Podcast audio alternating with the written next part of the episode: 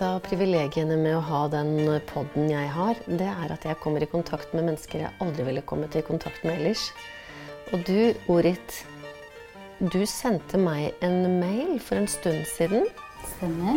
Og så sendte du meg en ny mail etter at du hadde hørt disse tankepodsendingene som jeg har laget i sammenheng med krigen. Så hadde vi en telefonsamtale, og så tenkte jeg du er en helt annerledes jøde enn de vi stort sett kommer i kontakt med ellers. Og du fortalte meg også at du har egentlig ikke så mye kontakt med det jødiske miljøet i Norge. Fortell meg litt, hvem er du, Orit? Hvem jeg er? Jeg vil si at jeg er en uh, dame på 49 år. Vanlig dame med en jødisk bakgrunn. Født i Israel. Jeg kom til Norge for uh, over 45 år siden. Så jeg har jo bodd i Norge i mange, mange år. Og da var du tre år gammel? Og da var jeg tre år gammel når jeg kom hit.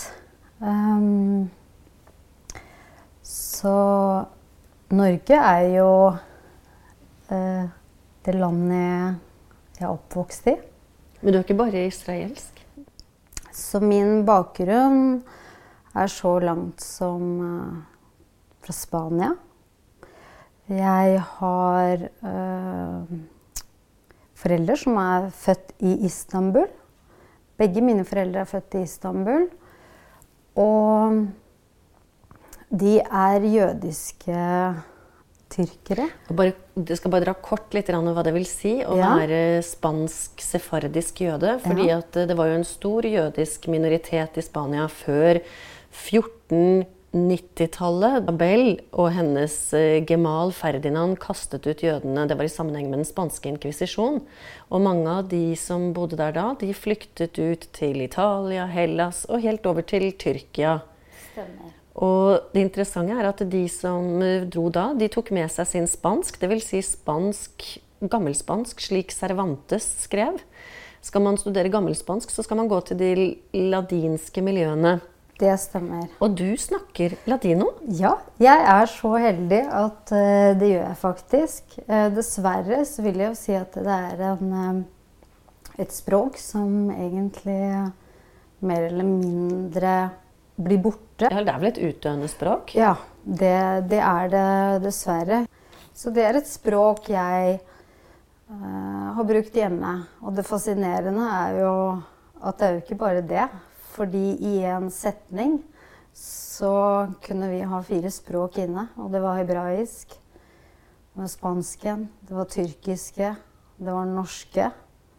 Så det er ikke få ganger vi har blitt stoppet og folk har lurt på Unnskyld, men hvilket språk prater dere egentlig? kan du si noe på ladino nå? Si claro. Eh, me llamo Orit. Eh, esta noche estoy aquí con Nina para, para hablar cómo es estar eh, judía aquí en la Norvegia. Eh, For meg høres det veldig spansk ut. Mm -hmm. Altså, Jeg kan bitte litt spansk, ja. men enhver spanjol vil jo skjønne hva du sier nå. Eh, og det er det som er fascinerende. fordi at eh, når jeg har vært eh, og reist så er det faktisk eh, litt problematisk å kunne eh, ha en samtale med de som snakker ren spansk. Når jeg har vært f.eks. i Mexico, derimot, så er det mye enklere. Hva er, det, hva er det som er de språklige forskjellene? Det kan være tonefall. Det kan være farten på språket. Så det, det er det jeg kjenner, og, og de kan forstå eh, Vi sier f.eks. 'calzalos' som er sko. Spansk så er det zapatos. Nettopp. Ikke sant? Vi kan si uh, Me viene muy uh, duro. På spansk er det hardt. For meg og mitt språk så blir det at det føles vanskelig. Mm -hmm. ja. Så ordene er forskjellige. Mm. Men, men, likevel så har jeg vært veldig heldig, fordi det å kunne så mange språk, selv om du ikke kan dem veldig godt, så har det hjulpet meg at du kommer i kontakt med mennesker Eh, Du kan eh, gestikulere, du kan bruke noen ord. Så det har jo vært en veldig sånn åpning på å bli kjent med veldig, veldig mange mennesker i ulike setninger og kultur. Mm. Mm. Men du, altså, sant, dere kommer da til Norge når du er tre år gammel. Mhm. Da snakker vi altså om for 45 år siden. Eh, Og det var fordi faren din fikk jobb her. Så hadde han fått en jobb før dere kom, og var det derfor dere flyttet til Norge? Ja. Ja. ja. Og hvor var det dere bosatte dere hen? Da bosatte vi oss eh, ved Lilleaker.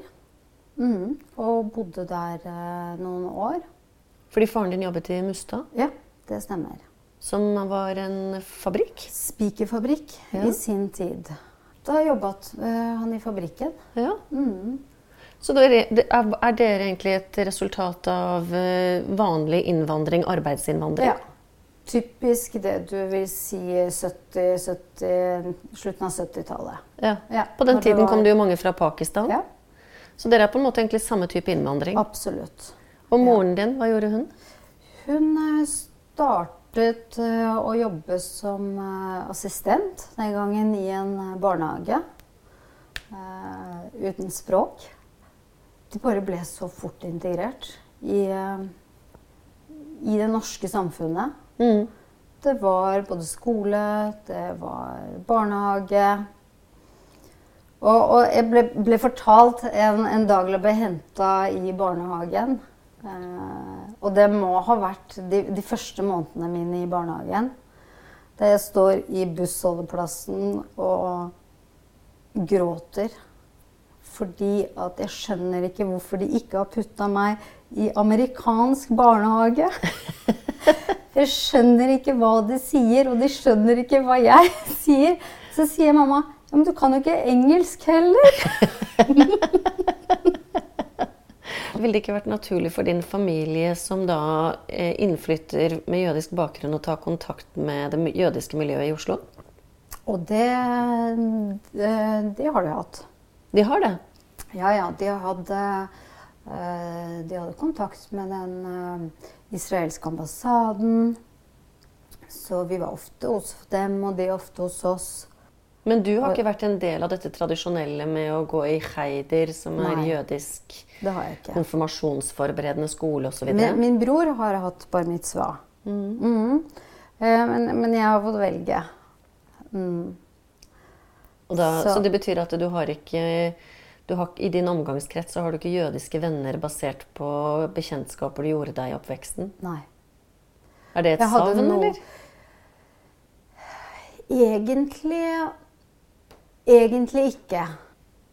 Fordi at jeg hadde på en måte min eh, tyrkiske, jødiske omgangskrets når jeg var eh, i Istanbul. Så så jeg følte egentlig at eh, de ukene fikk jeg dekket mitt behov. Ja, da, når dere var på ferie? Når vi var på ferie, da fikk jeg, eh, da fikk jeg vært sammen med dem. Men så har det alltid ligget sånn i min natur da, at jeg er ikke så veldig opptatt av hvor du kommer fra, egentlig. Jeg har vært veldig opptatt av mennesket. Det spiller ingen trille for meg om Uansett hvor du er fra, hvilken kultur. Jeg syns mennesket har vært spennende. Mm. Og det, det har jeg egentlig dratt med meg i uh, hele barndommen. Mm. Hatt masse asiatiske venner, hatt muslimske venner. Mm. Um, så det er det jeg er oppvokst med. Jeg har bare lyst til å beskrive uh, hvordan du ser ut. Og Ja. det gjør jeg rett og slett fordi at jeg prøvde å google deg, og da har jeg nok googlet et eller annet helt feil. I alle fall på et eller annet tidspunkt når jeg søkte etter deg på nettet, da, så dukket det opp et kvinnebilde som er noe helt annet enn det du er. Fordi jeg hadde på en måte sett for meg en som eh, ikke var så mørk. Altså For meg så er jo du egentlig, hvis man skal være litt sånn klisjé i sin beskrivelse, så er du en veldig sånn tydelig mesrahim. Altså en ordentlig Midtøsten-jødisk utseende. Du kunne like gjerne vært pakistansk. Du kunne nesten vært indisk. For du er ganske sånn intens mørk i håret ditt og i blikket ditt. Og du har jo denne fantastisk vakre olivenfargede huden. Så du er eh, Og du har jo fortalt meg at du jobber som lærer i skolen og har jobbet mye med muslimske barn. Og jeg kan tenke meg at eh, de umiddelbart sikkert tenker at du er en av dem. Eh, ja, og det har jo Det har jo vært litt sånn interessant, fordi eh, Når jeg starta som lærer eh, Og det er ikke så viktig eh, hvor kollegaen min var fra, men fra Midtøsten. Og hun spurte meg hvor er du fra. Jeg er fra Israel. Du må ikke si hvor du kommer ifra sa hun. Sier hun til meg. Og jeg tenker at jeg forstår hva hun mener. Jeg forstår hva at intensjonen hennes er egentlig bare god. Når hun sier det hun sier. Men på den andre siden så tenker jeg, vet du hva Det er viktig for meg Ikke fordi at jeg skal bevise noe. Jeg trenger ikke å bevise noen ting. Jeg er ikke forplikta til å bevise noe heller. Men jeg syns det er fint fordi jeg har hatt elever som aldri har sett en israeler. Vet ikke hvordan en jøde ser ut engang. Og blir egentlig litt sånn målløs når jeg sier jeg er fra Israel. Og så må jeg pakke det litt inn da, med å fortelle det. Men jeg kjenner den tyrkiske kulturen. Jeg kjenner kulturen deres. Og da blir man på en måte Da kjenner jeg på en måte at du avvæpner Du ufarliggjør situasjonen. Og så er det jo spennende det, Nina, at Hvorfor er jeg her i dag? Hvor, hvorfor har jeg lyst til å være her? Hvorfor har jeg lyst til å snakke med deg? Hvorfor har jeg lyst til å tenke høyt sammen med deg? Mm. Og for meg så tenker jeg at det har vært viktig for meg å være en god ambassadør for Israel ved å vise hvem jeg er. Ved å, ved å vise at jeg er en helt vanlig person. Står opp klokka åtte på morgenen, jeg tar meg en dusj. Jeg gjør akkurat som alle andre. Hvorfor er det viktig å vise det? Jeg tenker at det er viktig å vise det fordi jeg sier ikke at det er alle, men det er mange som har en vrangforestilling på hva det er å være en israeler, på hva det er å være en jøde. Uh, og da er det viktig for meg å bruke den arenaen til å kunne vise at vi kan være inne i et felles rom. Vi kan samarbeide, vi kan snakke sammen. Vi kan være gode med hverandre. Men har du, har du opplevd uh, utfordrende episoder som lærer, eller? Det har jeg. Men igjen så føler jeg at jeg har stått veldig godt i det. Jeg har vært rakrygga i forhold til å holde fast på det at det er viktig at vi er her i dette klasserommet som medmenneske. Vi er like mye verdt alle sammen.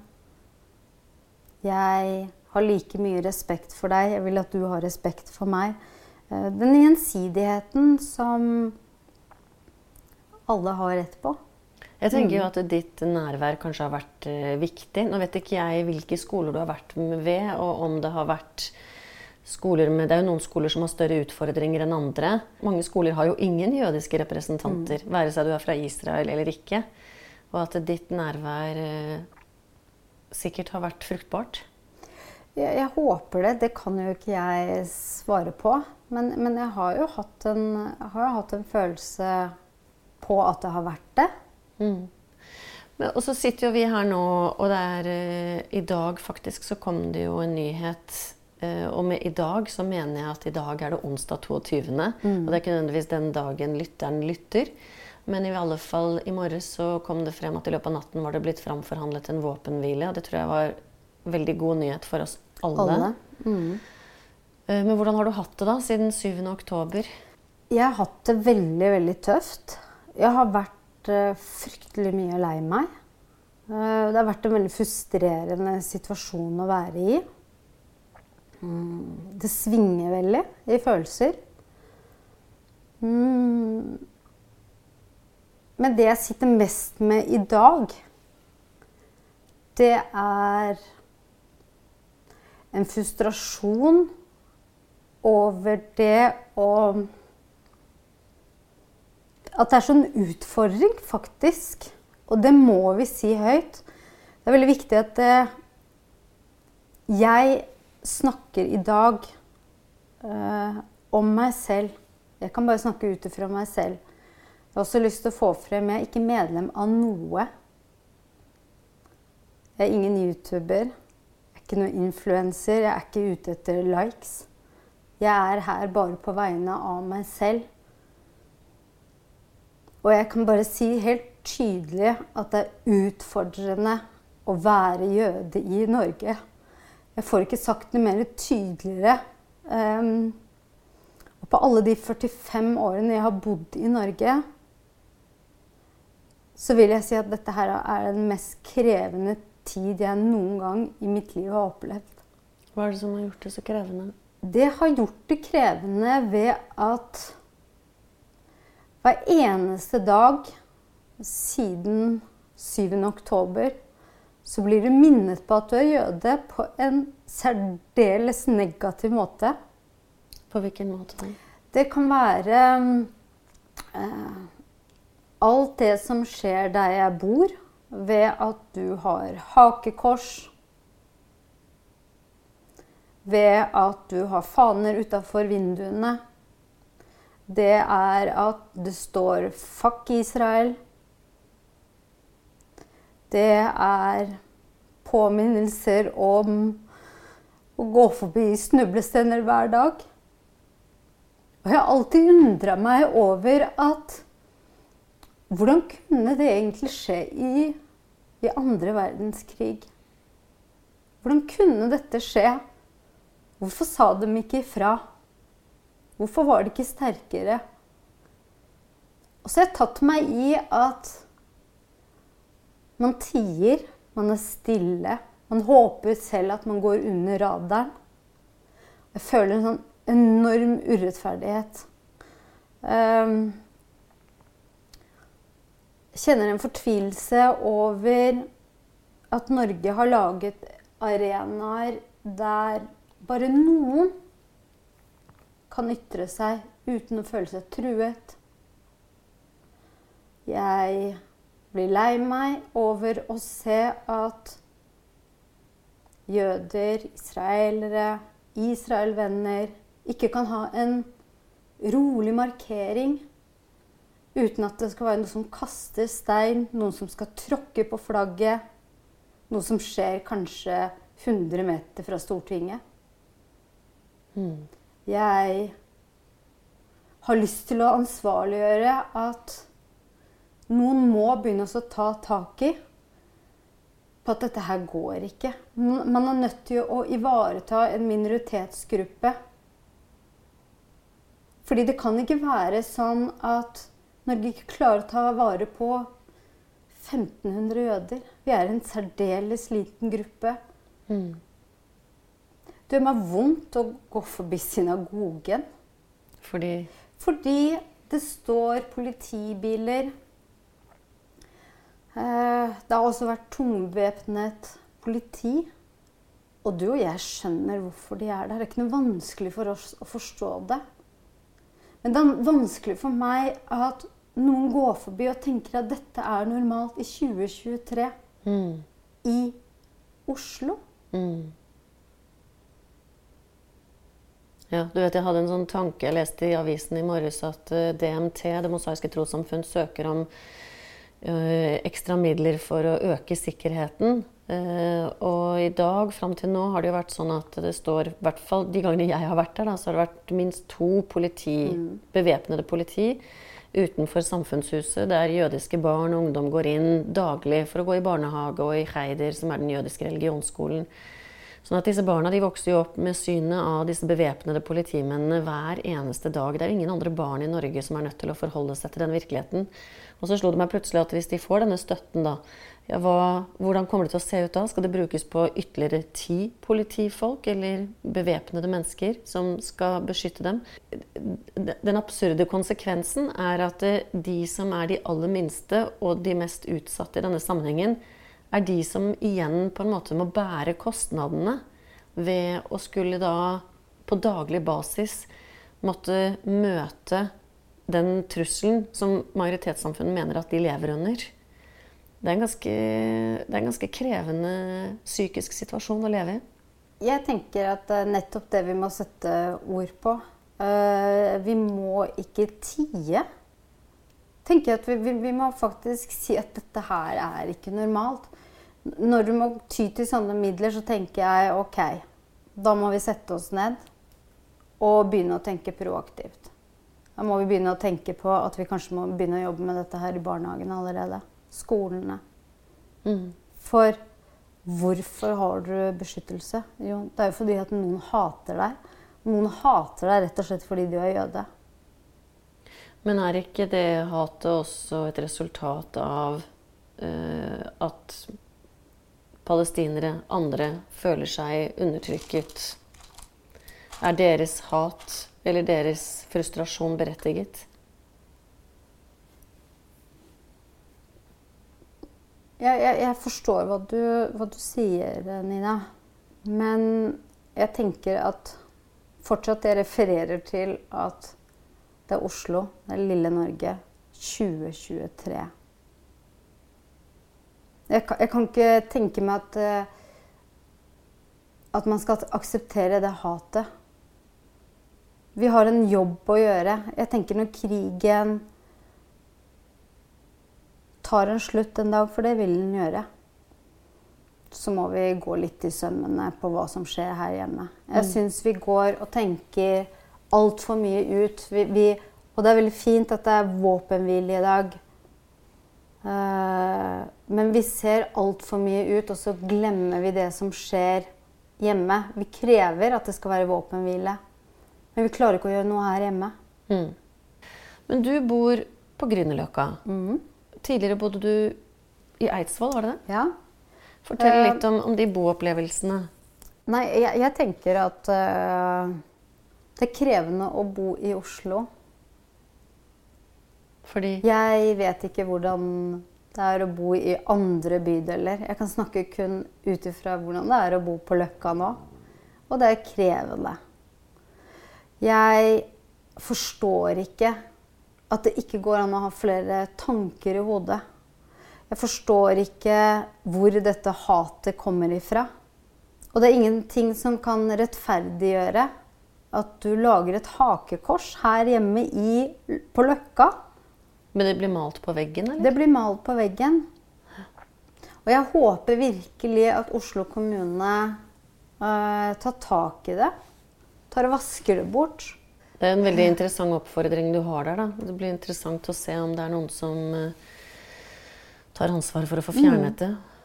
Jeg, jeg tror jeg aldri har hatt den følelsen av å være så skuffa over Norge. Rett og slett, Jeg får ikke sagt det nok. Og, og, min på en måte hjertesak blir det som skjer her hjemme. For det er det jeg opplever på, på kroppen. Um, og man tenker liksom lille Norge det er trygt. Alle har ytring. Men for meg så vil jeg faktisk vite at Jeg vil gjerne at franskmenn, jødiske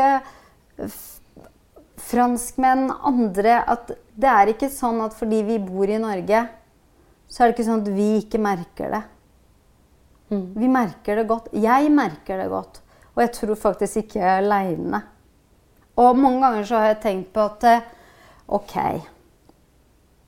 jeg er født i Israel.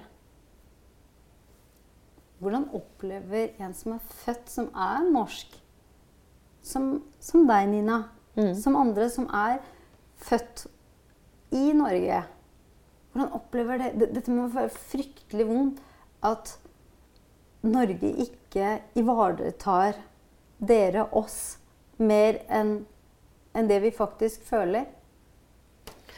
Men jeg er nok litt mer i en sånn modus hvor jeg Jeg føler meg jo Det her er veldig vanskelig, men jeg føler meg nok ikke grunnleggende ikke Jeg er ikke redd, men jeg er litt utrygg. Og så har jeg prøvd å gå i rette med meg selv, som du sikkert har hørt meg snakke om i poden nå.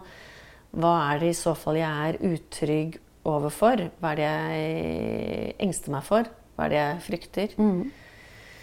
Uh, og det er jo ikke i første omgang at det skal skje noe dramatisk med et angrep eller noe sånt nå. Det er nok vel så mye en slags uh, ubehag over at jeg er redd på en måte for å falle ut av et slags sånn stort felles vi. At man blir eh, frykter på en måte stigmatiseringen, tror jeg. Og så er spørsmålet kan du klandre noen andre for det, eller er det noe du egentlig påfører deg selv? Eh, noe du eh, nærmest eh, At det blir som en slags konsekvens da, av all den uroen som er i Midtøsten, som forplanter seg til vårt mediebilde, som gjør at folk blir veldig sinte, opprørt, engasjert, går ut i gatene. Og det blir store, store folkemengder. Eh, og som jeg også sa i et intervju, at eh, når det står 10 000 mennesker på Youngstorget og roper From the river to the sea, make Palestine free. Så høres det, det Og det er mange måter å fortolke den uttalelsen på.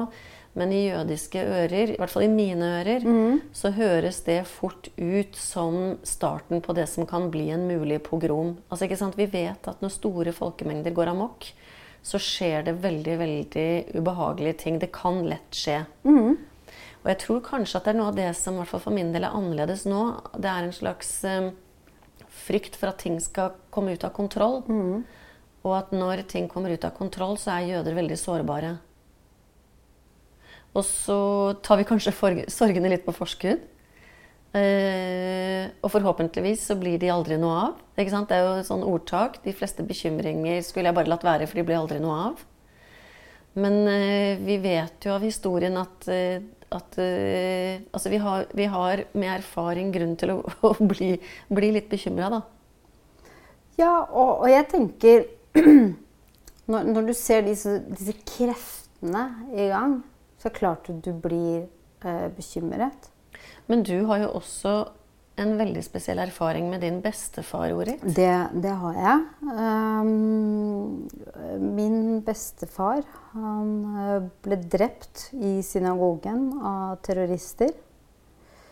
I Dette her i Istanbul. eh, Når var dette? På 80-tallet. Mm. Men jeg har jo bare min mor og min far å takke for.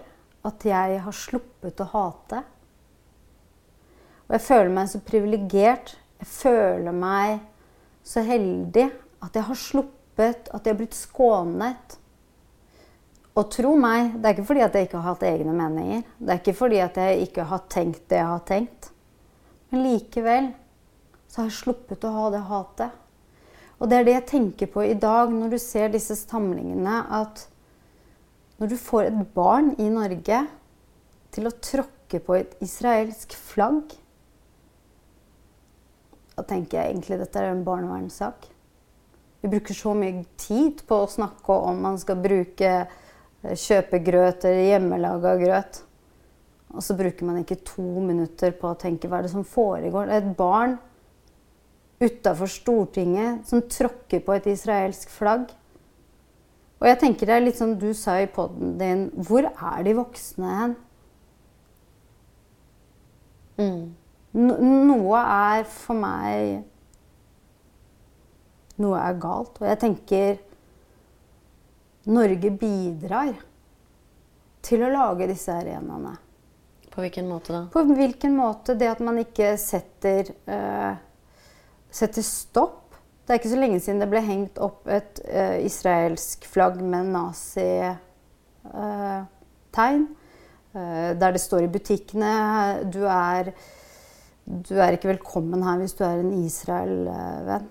Men det er hele tiden på kanten. Det er, det er liksom Det er ikke farlig nok. Og da tenker jeg når er nok? Når skal noen begynne å reagere på å, å, å si at ikke dette er ok? Mm. Og Det er derfor jeg er så opptatt av det som skjer her hjemme. Vi må virkelig begynne å, å, å Når dette er over, så må vi faktisk begynne å tenke annerledes. Vi må begynne å tenke på minoritetsgruppen. Ønsker vi jøder her i Norge? Ok, hvordan skal vi ivareta dem? Hvilken tiltak skal vi gjøre? Hvor skal vi begynne hen? Mm. Fordi For meg så er det israelere, jødedommen Det er søren meg en twist-pakke. Vet du hvor morsomme vi er?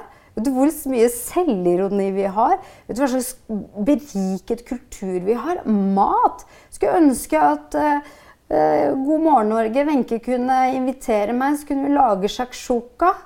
Det er en måte Jeg skulle ønske at din venninne uh, Monica kanskje kunne være på TV og formidle hvordan man kan lage suguanyot. Byen der, byen i det små. Jeg tenker det er våpenhvile nå. Hvorfor ikke bruke anledningen til å få fram at man kan samles? Jeg utfordrer muslimene. Møt oss i en markering. La oss ha begge flaggene.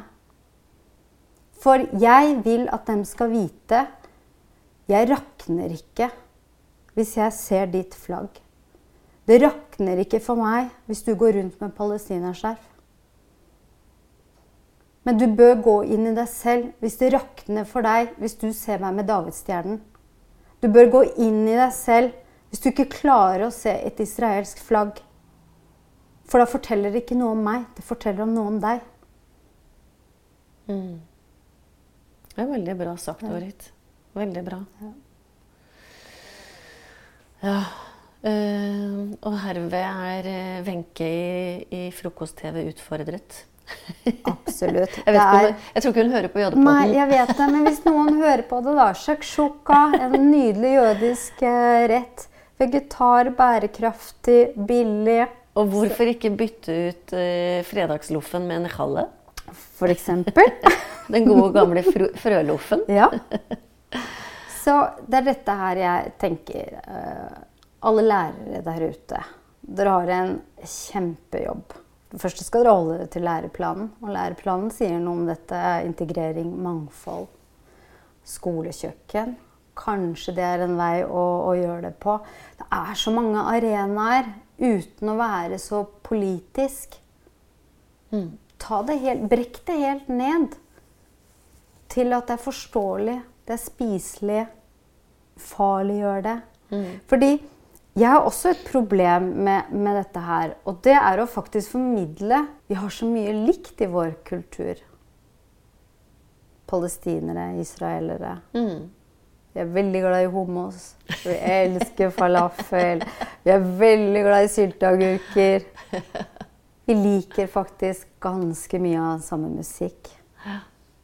Ikke sant? Mm. Så du har et bilde av at det er krig, krig, krig, krig. Ja, det er det også. Men det er mye annet òg. Mm. Hva er det nordmenn ikke har skjønt når det gjelder staten Israel? Jeg kan si noe hva jeg tenker om ja, det selv. Gjør det. Nei, fordi, og det er faktisk noe som slo meg når jeg var i en samtale med disse journalistene, at uh, vi er så utrolig privilegerte at vi har Nordsjøen stappa full av olje.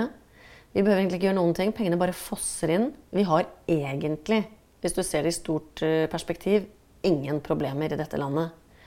Israel har vel om mulig alle de problemene man kan ha.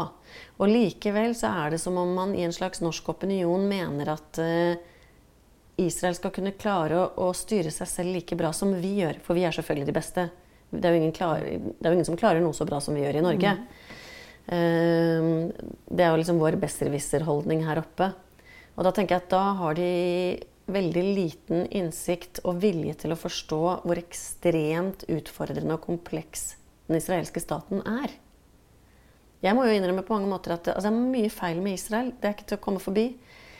Men eh, hvis du tar i betraktning alt det de har å forsøke å manøvrere seg gjennom i sin daglige virke, da, så tenker jeg at det er helt legitimt å si at man også kan bli litt imponert.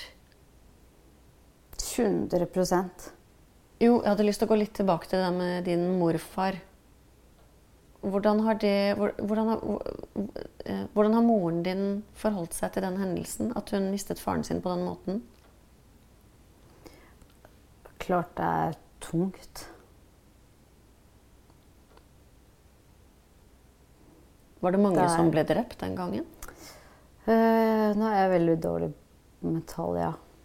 Jeg burde ha visst det, men det var, men det var... mange som døde. Der uh, I Istanbul så er det et eget sted for uh, de som ble drept i synagogen. Jeg husker ikke antallet nå, men eh, eget pla plass der de eh, ligger, da. Men dette var et eh, større terrordåd som skjedde. Hvilket år var dette? Eh, jeg mener at det var i 1986. Ja. Mm, hvis jeg husker riktig. Men i hvert fall på 80-tallet. Husker du hvem som sto bak? Nei. Nei. Nei. Kanskje jeg kan- google det litt. Jeg skal bare ta så google Ja. nå. Skal bare se hva jeg finner.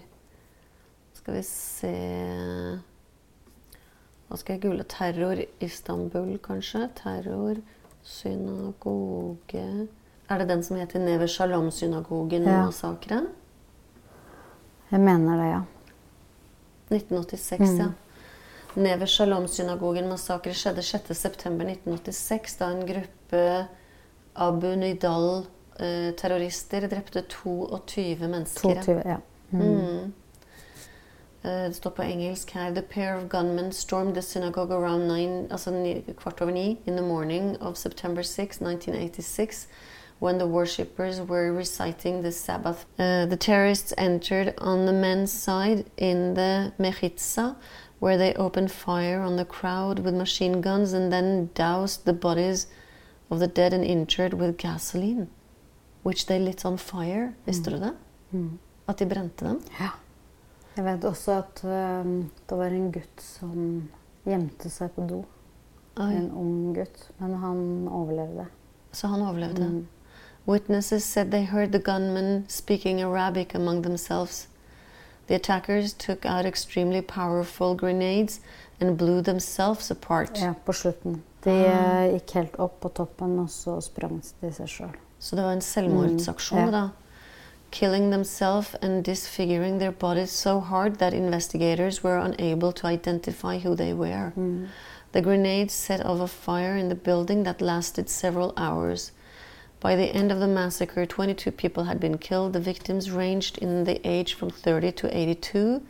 Three of the people killed were Persian Jews, altså fra Iran, persiske, including an Ira- Iranian born rabbi. Around two dozen were wounded, including four women hit by splinters in the women's gallery. Fordi menn og kvinner sitter atskilt. Mm. Nettopp. Men din Så- mormor var ikke der. Nei, øh, min øh, morfar var enke. Enkemann. Ja. Så, så Han var veldig troen. Han var veldig troende. Tron, ja. Han var Så- religiøs. Veldig religiøs. Um, men jeg husker han som en veldig, veldig behagelig, fin fyr. Ja. Ikke, ikke noe vondt bein i den kroppen. Nei. Ja. Hvorfor valgte dine foreldre å emigrere fra Tyrkia, Istanbul, til Israel? Fordi pappa tok militærtjenesten der. Mm. Det var viktig for han å gjøre det? Ja. Og så er det jo sånn øh, Sånn som du ser i, i dag. Uh, når ting skjer, så er man en samlet nasjon. Mm. Uh, jeg, jeg tror nok hver og en kan føle uh, at man har behov for å beskytte Israel.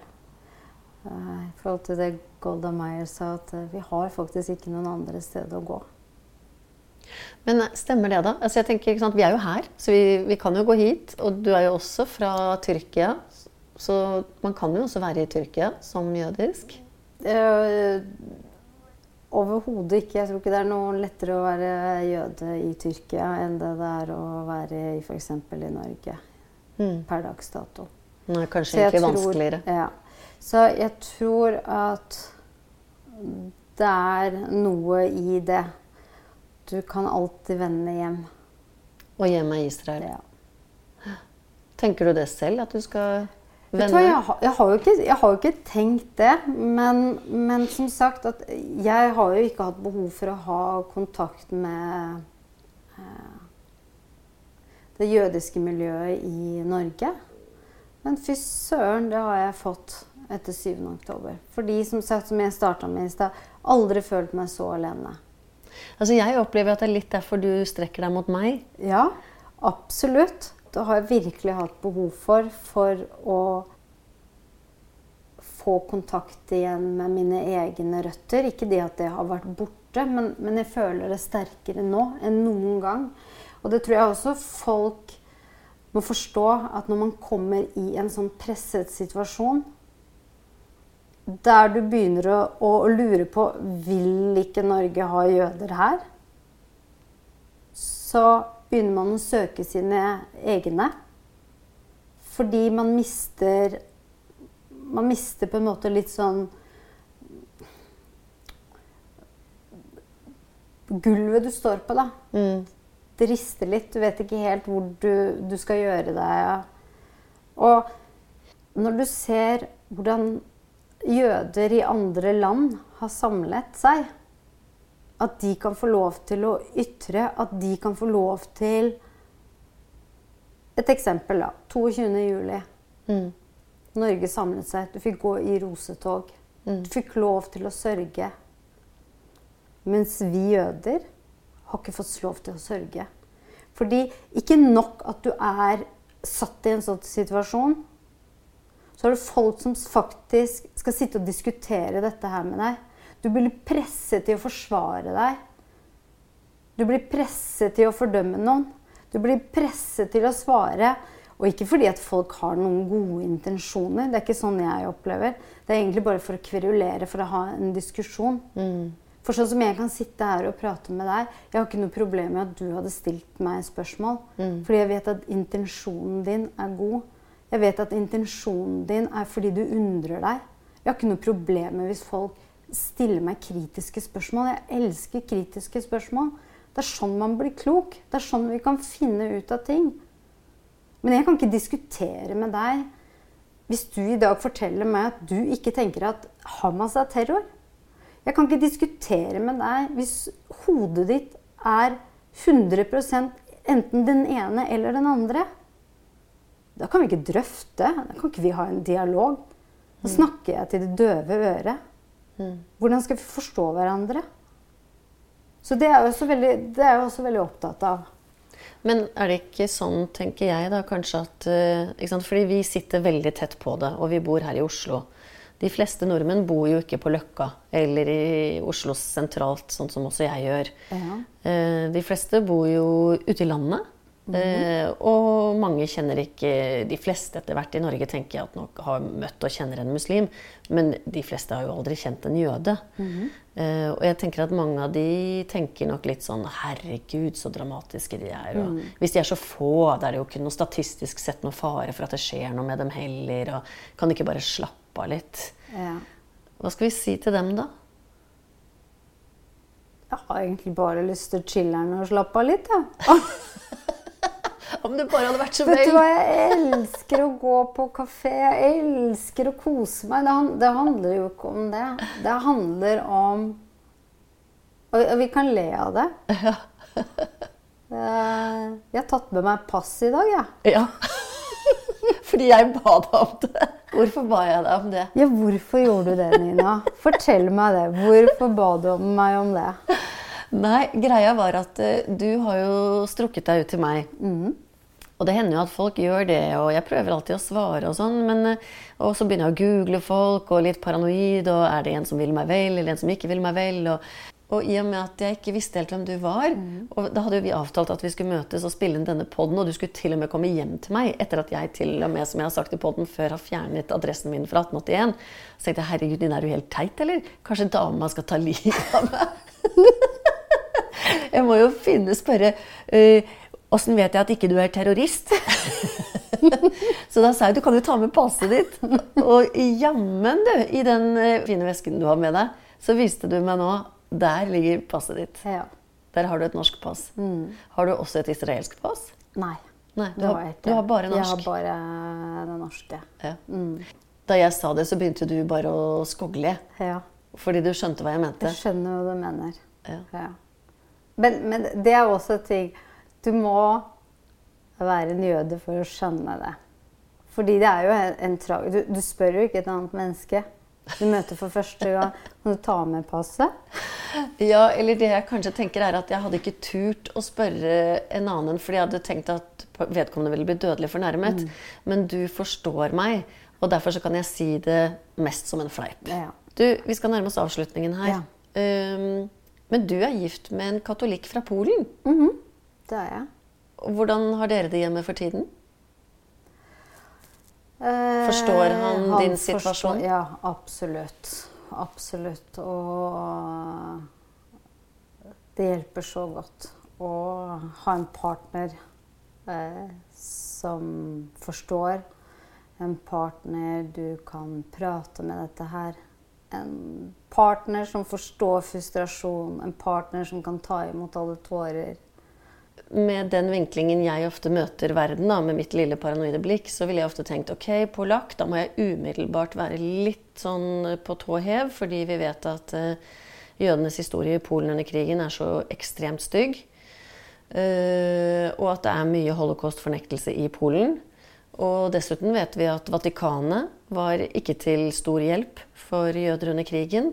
Så hvis du da er polsk katolikk, hvilket jo de fleste polakker er for seg er, de er jo oftest katolikker, så uh, ville jeg tenkt at eh, ja ja, da vet de i hvert fall ikke så mye om hva det vil si å være jøde. Men eh, din mann Jeg vet ikke hva han visste før han ble kjent med deg, men han har jo sikkert lært en del gjennom å leve med deg, da. Han er Absolutt. Og, og til, tilbake til egentlig det jeg nevnte i stad. Det med at jeg er så heldig. Jeg er faktisk kjempeheldig med å bli kjent med andre kulturer. Med å ta kjennskap i andre religioner. Og derfor skjønner ikke jeg i 2023 at jeg befinner meg her i Norge med en frustrasjon over hvorfor får vi det egentlig ikke til? For jeg har jo fått det til i så mange år. Hva, hva, hva er det som egentlig skjer? For ja, vi, vi kan snakke om historien, men det er det jeg sier. Hvor er medmenneskeligheten? Hvor er nestekjærligheten? Hvor er det vi egentlig alle kan evne?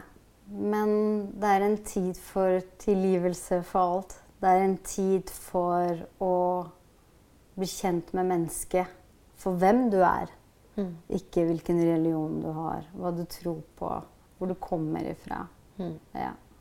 Så jeg håper fremover, når ting roer seg ned, at vi alle tar et ansvar for å lære å kjenne hverandre kanskje på nytt. Kanskje fryktelig naivt. Men jeg vet at det heller ikke er umulig hvis man virkelig vil. Takk for at du ville komme og prate med meg. Takk for at jeg fikk komme og prate med deg.